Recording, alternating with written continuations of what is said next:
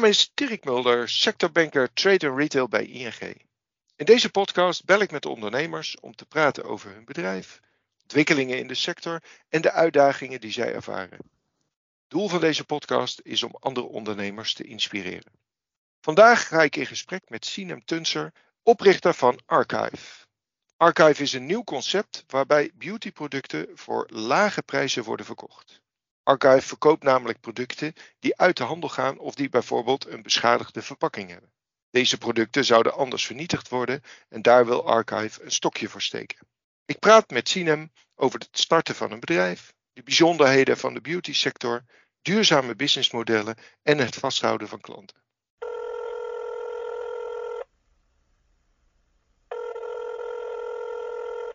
Goedemorgen Sinem. Goedemorgen Dirk. Uh, hoe is het met jou?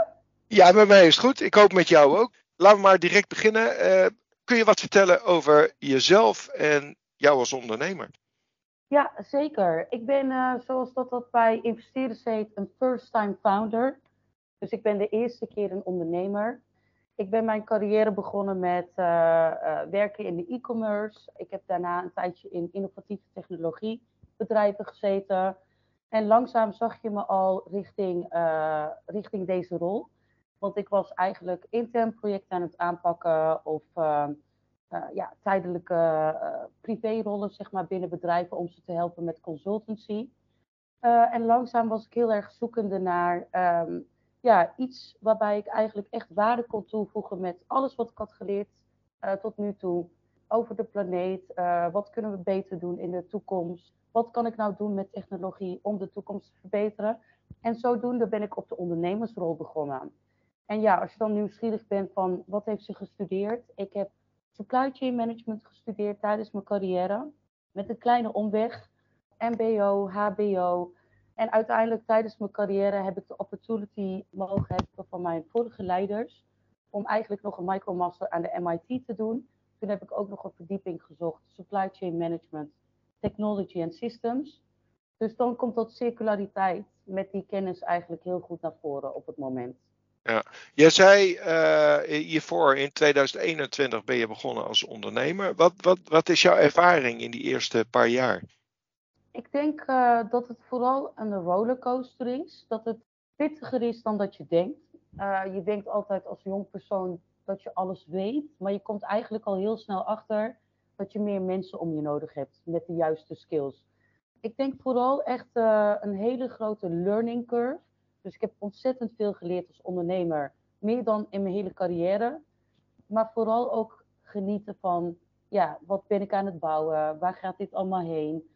En dat zijn eigenlijk mijn eerste, ja, mijn eerste learnings geweest. Ja. Even dan, uh, want jij bent gestart met Archive.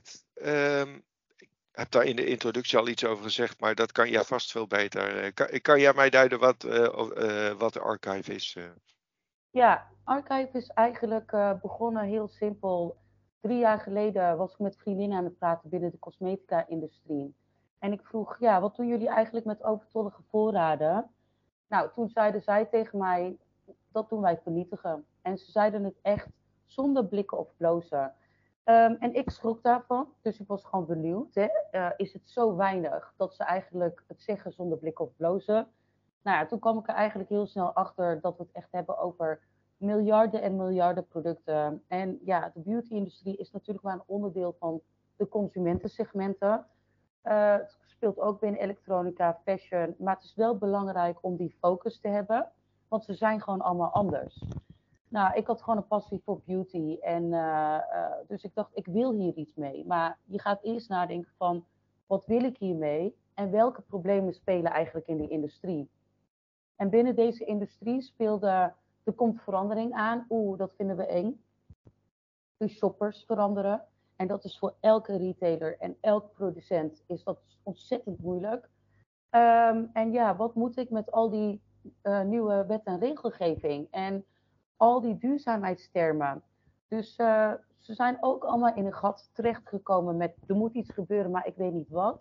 Maar wat belangrijk was is, er is een risico op mijn sales en ik moet veranderen. Dus Archive is gewoon begonnen met een marktplaats om overstok eigenlijk op te vangen, die iets anders was dan de huidige retailers, om ook niet hun in de weg te lopen.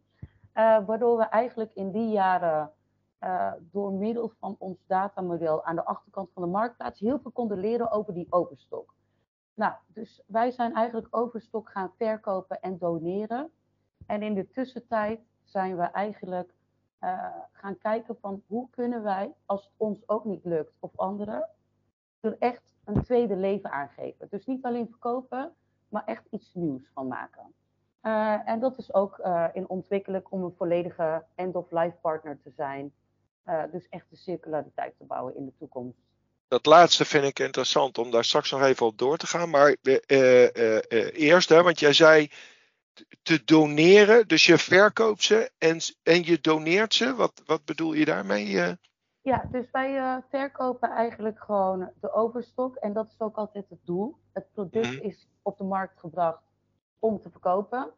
Uh, maar er is ook een fase dat het ons soms niet lukt. Hè? Er zit bijvoorbeeld een kleurtje tussen waarbij echt geen interesse naar is. Dat kan ook aan de trend liggen of gewoon op dat moment aan het product. Het kan ook zijn dat we expiration date echt uh, zijn benaderd, waardoor het gevaarlijk is geworden voor de consumenten.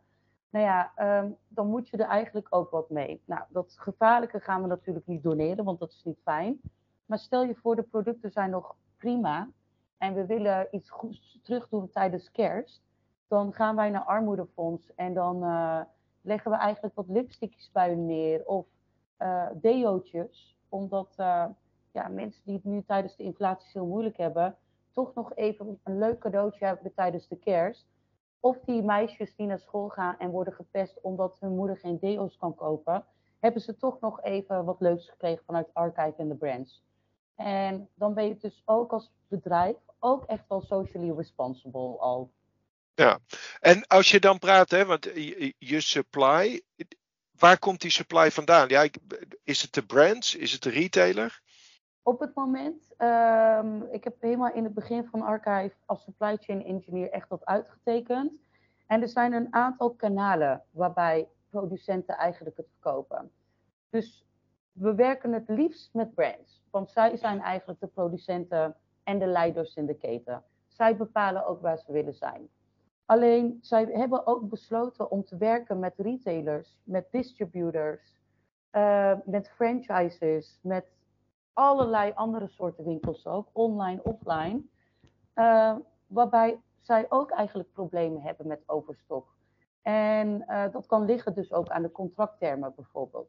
Dus ons doel als archive is echt wel, de power ligt bij de brands. Maar we willen eigenlijk de hele keten helpen, tot en met de consumenten.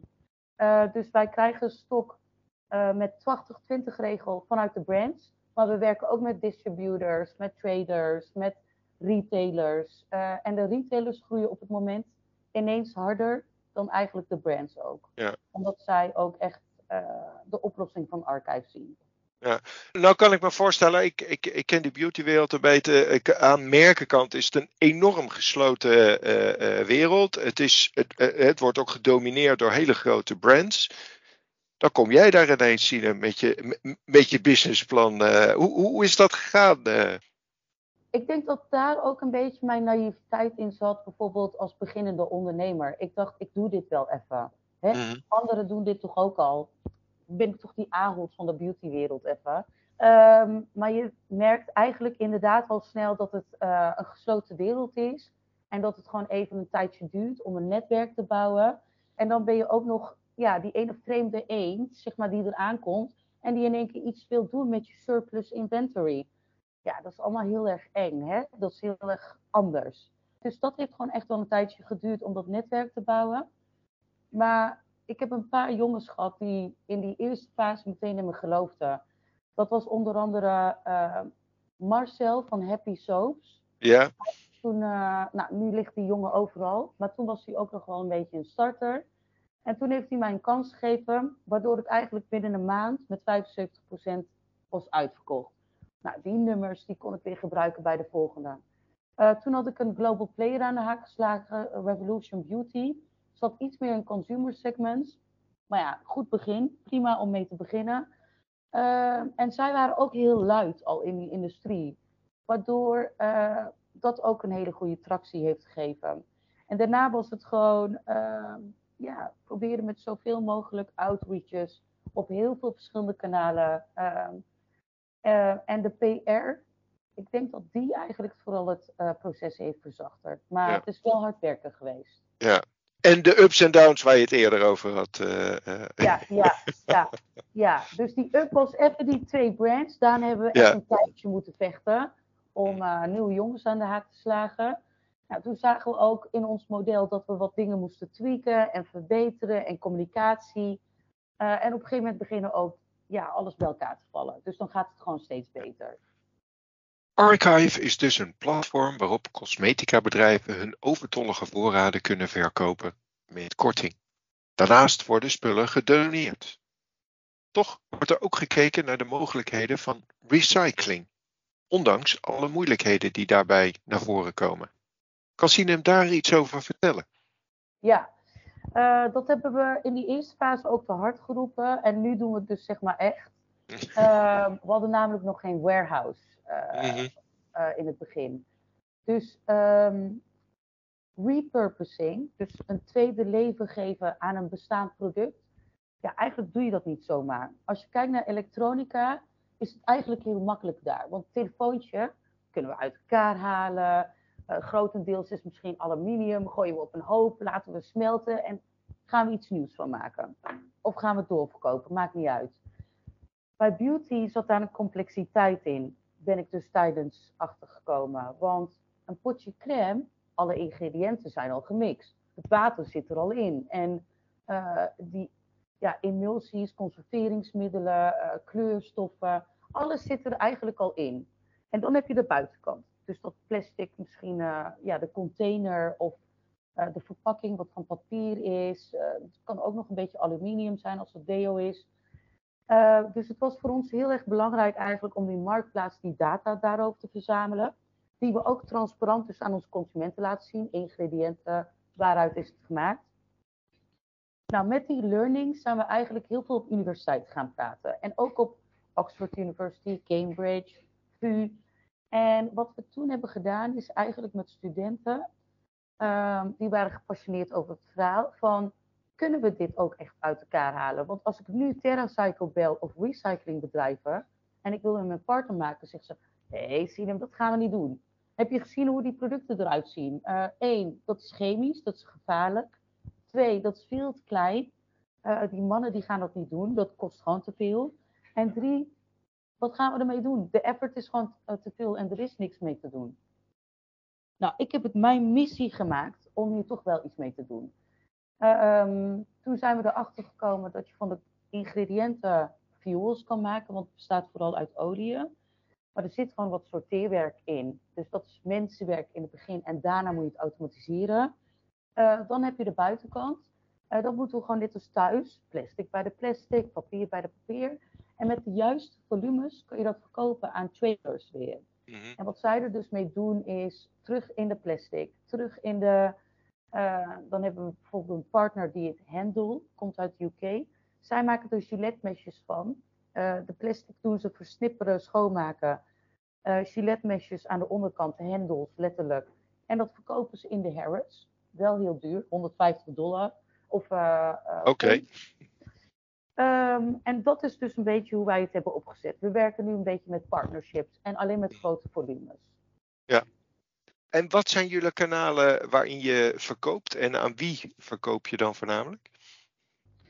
Archive is dus een redistribution marketplace, zoals dat we dat Ja. noemen. Wij zijn eigenlijk de keten van het product aan het digitaliseren. Dus waar komt het vandaan vanaf de ingrediënten tot welke consument hebben jullie geprobeerd te bereiken, maar het is niet gelukt.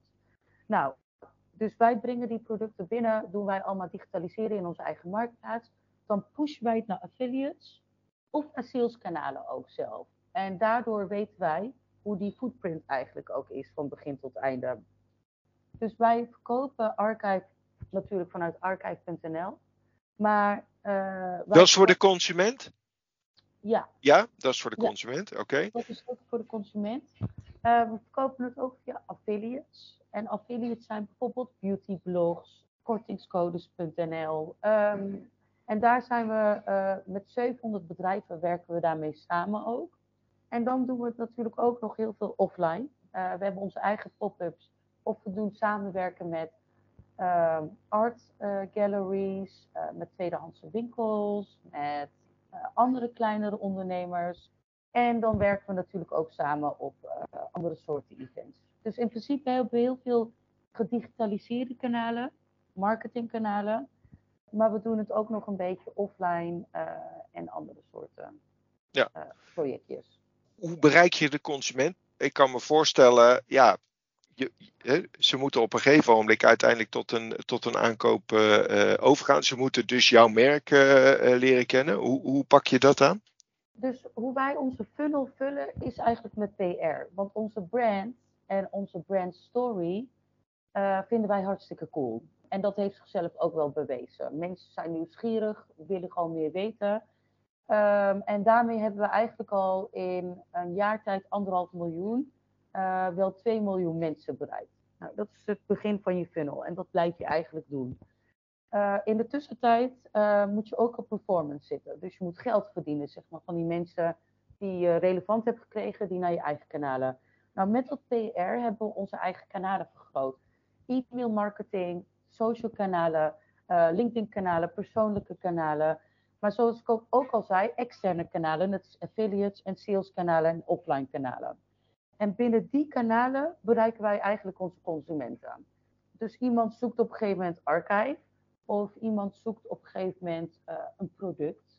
Een populair product wordt vaker gezocht dan een minder populair product. Dus met de minder populaire producten gaan we eigenlijk offline sales doen. Gaan we in zo'n pop-up staan, gaan we zeggen, oh, heb je ooit wel eens over uh, food for skin gehoord? Nou, zo geweldig. Alleen maar uh, schone ingrediënten, doen het anders dan anderen. Poef, heb je sale. En dan gaan we ze overhalen online. Dat heet ook wel uh, research offline, purchase online of zo. Het andere dan de ROCO-effect. Ja. Wanneer de brands natuurlijk eigenlijk al populair zijn, ik noem maar wat, een La Prairie, een uh, La Mer, een ehm, een Chanel, ja, daar hoef ik eigenlijk geen werk van te maken, zeg maar. Dat is SEO-kanalen. Hm. Dus um, iemand zoekt daar al naar. Wat is dan belangrijk? De beste prijs hebben. Dus als je op een gegeven moment met die factoren weet te spelen, weet je ook heel goed welke kanalen je moet aanzetten en hoe je die mensen moet bereiken. En het moeilijke aan een marktplaats is, is gewoon, en Ahold denk ik dat die daar heel goed over mee kunnen praten, er zijn zoveel verschillende categorieën en producten aan huidskleuren en weet ik veel. Dus die kanalen, die moeten daar heel goed op inspelen om goede sales en conversie te hebben. En dat is eigenlijk wat Archive heel goed kan, tegen binnen een jaar tijd al. Ja, en begeleid je ze daarin of, of beoordeel je ze daarop? Uh... Uh, dat bespreek ik allemaal tijdens de onboarding. Dus ja. uh, ik heb natuurlijk grote brands waarbij ik langere sales cycles heb daarmee ga ik echt in co-creatie. En ik laat ze ook met mij bemoeien. En hun kennis waardeer ik natuurlijk ook. Uh, dus dat komt een beetje samen met mijn kennis. Uh, maar de kleinere, die vragen ook echt advies bijvoorbeeld. Die zeggen ook, wat moet ik doen? Hoeveel korting moet ik geven? Um, wat adviseer jij mij? Welke kanalen moet ik aanstaan? En dan zeg ik ook, het is je niet gelukt tot nu toe. Dus de visibility is voor jou belangrijk zoveel mogelijk kanalen aanzetten. En dan gaan we fine-tunen. Dus uh, we zijn een curated platform, anders wordt het ook niet interessant voor de consument. Er moet ook een bepaalde kwaliteit in zitten. Uh, en in die beginfases vinden we dat heel belangrijk om met die brands te spreken. We willen geen troep verkopen, we zijn niet je afvalputje, uh, maar we willen ook samen succesvolle sales doen, want wij werken ook maar op commissie. Dus uh, groei is belangrijk, maar het moet wel uh, relevant zijn. Niemand weet het precies, maar schatting op basis van jaarverslagen is dat tussen de 20 en 40 procent van de cosmetica vernietigd wordt. Die vernietiging zit al in de prijs verdisconteerd. De productiekosten van de meeste cosmetica liggen tussen de 80 cent en de 3 euro. Maar de verkoopprijs is vaak soms het honderdvoudige. Hoe bepaal je dan hoeveel korting bedrijven moeten geven op archive? Nou, ik moet sowieso opletten dat ik natuurlijk geen uh, Douglas of Issy Paris, uh, dat ik daarmee ruzie krijg. Ik wil ze hmm. namelijk ook het liefst als klant. Um, dus er is heel duidelijk een reden waarom producten op Archive staan. En ik wil yes. dat zij dat heel goed begrijpen. Um, als je naar Archive ook gaat, heb je een stukje Archive Explained. waarbij wij echt kijken naar verschillende use cases met brands. Um, expiration date benaderd, dus THT komt eraan. Um, het is discontinued. Uh, er zitten packaging flaws in. Um, Douglas heeft het teruggestuurd, want ze willen het niet meer hebben. Uh, dus er zijn bepaalde redenen waar het toch op die brandstapel terechtkomt en wat zonde is. Nou, dat laten wij zien aan de consument. En gebaseerd natuurlijk op die issues, moet die uh, pricing kloppen. Heb je packaging flaws, ja, dan uh, moet de consument daar een grote stap voor doen, zeg maar, om het te redden. Dus die discount moet echt heel aantrekkelijk zijn. Is het eigenlijk een try before you pay full price opportunity? Uh, dus er is eigenlijk helemaal niks mis met het product, maar hij is gewoon nu de markt op en het is nu een slow mover. En dat moet gewoon sneller worden. Ja, dan geef je uh, stiekem toch iets meer dan de andere, zodat ik het kan do doorpushen. En zo hebben we met alle use cases hebben we eigenlijk een bepaald standaardisering in ons hoofd. Uh, maar toch heeft het wel een human touch op het moment nodig om het, die conversie eigenlijk te laten ja. lopen. Ja. ja. Nou, nou zou ik me aan één kant kunnen voorstellen dat, uh, kijk, je kan maar zoveel beautyproducten gebruiken per persoon. Uh, dus je concurreert natuurlijk wel, zowel met de brands en met de retailers. En laat me vooropstellen, ik vind het hartstikke goed wat je doet, want uiteindelijk zit er natuurlijk een, een, een probleem, een weeffout in, uh, uh, in de sector, die los jij op. Maar zien zij jou, zien zij jou ook zo, of zien ze jou toch deels ook als een concurrent? ik denk dat vooral in die beginfases uh, het vooral is gezien als concurrentie en cannibalisme. Maar de trends die zeg maar eigenlijk allemaal veranderen, forceren om die habits te veranderen. Uh, daarnaast zie je ook het verschil tussen, hè, uh, we zitten hier in Nederland en in Europa. Uh, Europa, ja, of we het nou erg vinden of niet, we zijn toch een beetje, hè, we lopen Amerika een beetje na eigenlijk. En uh, die hele movement van anti-waste is eigenlijk al in Amerika begonnen. Brands die praten al openlijk over, oh ja, chips, we hebben een probleem gecreëerd, maar dit is hoe ik het heb opgelost. En dat vertellen ze in hun content, waardoor de consumenten weer vertrouwen krijgen in die brands die eigenlijk niet groen zijn. Want consumenten die stappen eigenlijk al over. En consumenten stappen één keer in de zoveel tijd al over. Die 38 producten en tandpasta die we thuis hebben, één keer is het Colgate, de andere keer is het iets anders. En sommige klanten zijn loyaal. Um, maar omdat die competitie zoveel is, mensen zijn minder loyaal binnen beauty en personal care. Mm. Als je die loyaliteit wil bewaken, moet je dus een moderne manier van laten zien aan jouw consument van hey, ik werk met Archive samen, ik doe iets anders. In Amerika uh, gebeurt het eigenlijk al, waardoor je veel meer hartjes aan het binnen bent. En dat beginnen ze hier ook langzaam te snappen. Kijk, ik ben eigenlijk ook een beetje moe van de brands die het ontkennen. Dat ga ik ook eerlijk hier openlijk met jou bespreken, mm -hmm. Zolang jij niet jouw problemen wil oplossen of erover wil praten, moet je eigenlijk ook niet bij mijn deur aankloppen. Dus dan ga ik je ook niet meer helpen. Uh, en dat is ook wel de arrogantie die ik tot nu toe een beetje nu heb gekregen. Um, er zijn genoeg brands die hier wel in geloven. En ja, je DNA moet ook met elkaar kloppen. Ja, ja. Nou, geef mij die paarse kleur, die verkoop ik wel aan Gen Z. Uh, maar die paarse kleur, meneer Bijenkorf, gaat jou gewoon niet meer lukken. Want die vrouw van 60, die vindt dat gewoon niet interessant. Dus als jij die ego blijft houden met marktwerking en we zijn competitie, dan gaan we alleen maar de sales verzinnen en de opportunity van die toekomstige klant. Dus uh, Archive is gewoon een soort van een gorilla's. En we zijn gewoon net een tandje anders. En daar moet je denk ik ook de waardering in zien, zeg maar, in alle andere retailers. Absoluut. Waar kan ik jullie op dit moment vinden? Uh, je hebt al gezegd wat je, wat, je, wat je kanalen zijn, maar in welke landen ben je uh, terug te vinden? Ik lever in Europa. de realiteit is, is dat één kleine brand al overstok kan hebben van 6 miljoen producten. Ja. Um, we hebben in Nederland. dat is schrikken. we hebben in Nederland 16 miljoen mensen, dus ja. de markt is te klein voor mij, zeg maar, ja, alleen om stil te zitten. Dus ik uh, ben gewoon begonnen in Europa. Ik heb natuurlijk niet mijn marketing spend overal ingezet.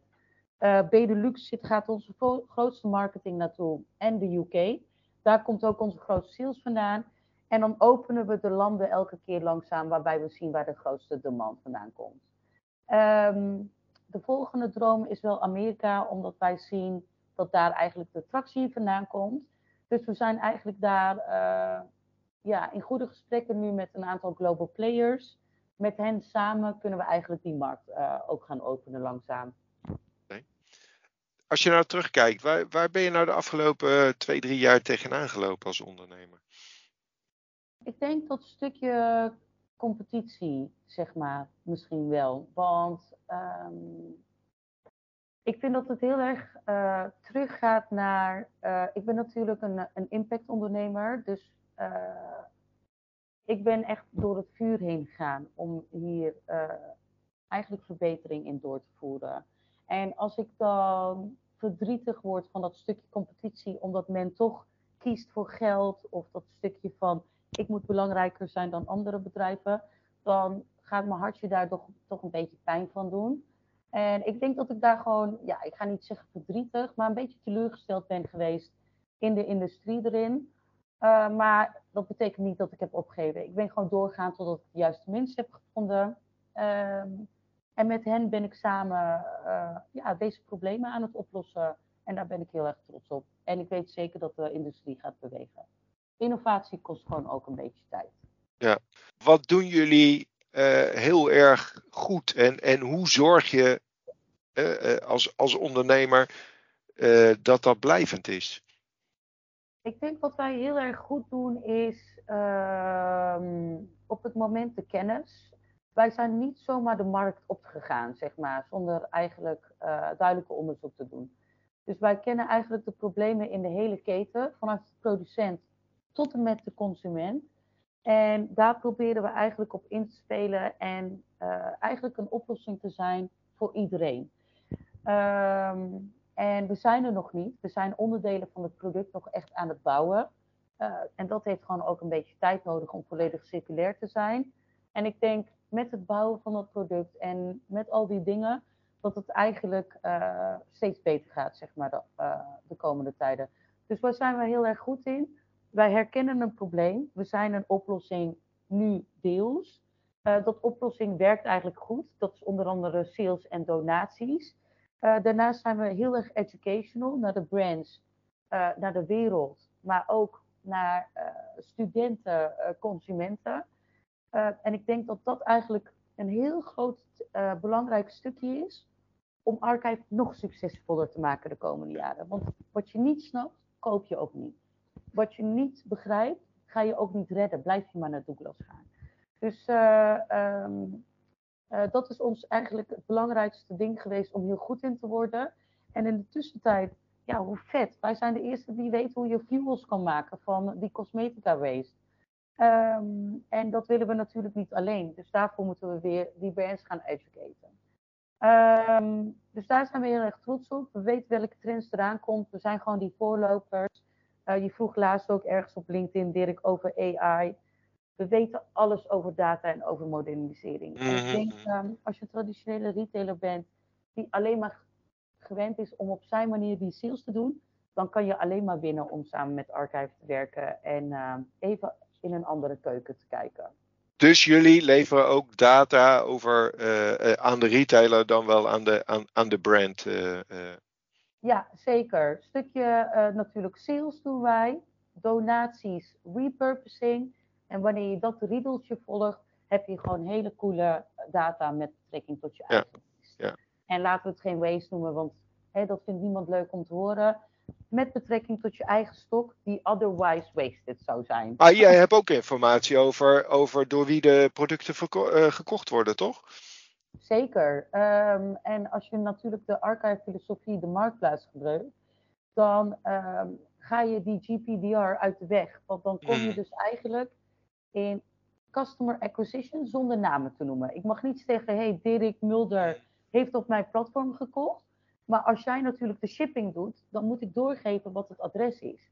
En als jij die adressen natuurlijk verzamelt van degene die eigenlijk producten redden, mm uh, de purpose-driven shopper, dan weet je eigenlijk ook waar je moet gaan flyeren in de toekomst. En bijvoorbeeld, we zien eigenlijk al Amsterdam is een, een, een stad waarbij mensen veel van redden houden.